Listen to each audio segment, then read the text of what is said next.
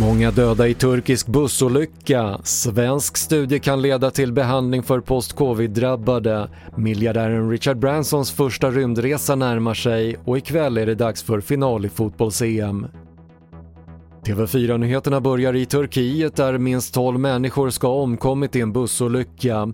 Enligt Reuters ska bussen med migranter från Afghanistan, Pakistan och Bangladesh fattat eld efter att ha rasat ner i ett dike nära den iranska gränsen i östra Turkiet.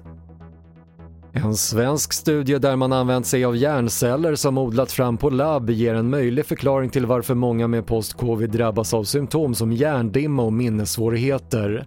Det här skulle på sikt kunna leda till en behandling för de drabbade. Det här kan ju mycket väl vara eh, förändringar i hjärnan som går att vända tillbaka igen eh, och att man kan koppla dem eh, till en specifik liksom, biologisk mekanism. Det ökar ju snarare sannolikheten för att man då ska kunna behandla dem. Det sa Carl Sellgren, forskargruppledare på Karolinska institutet.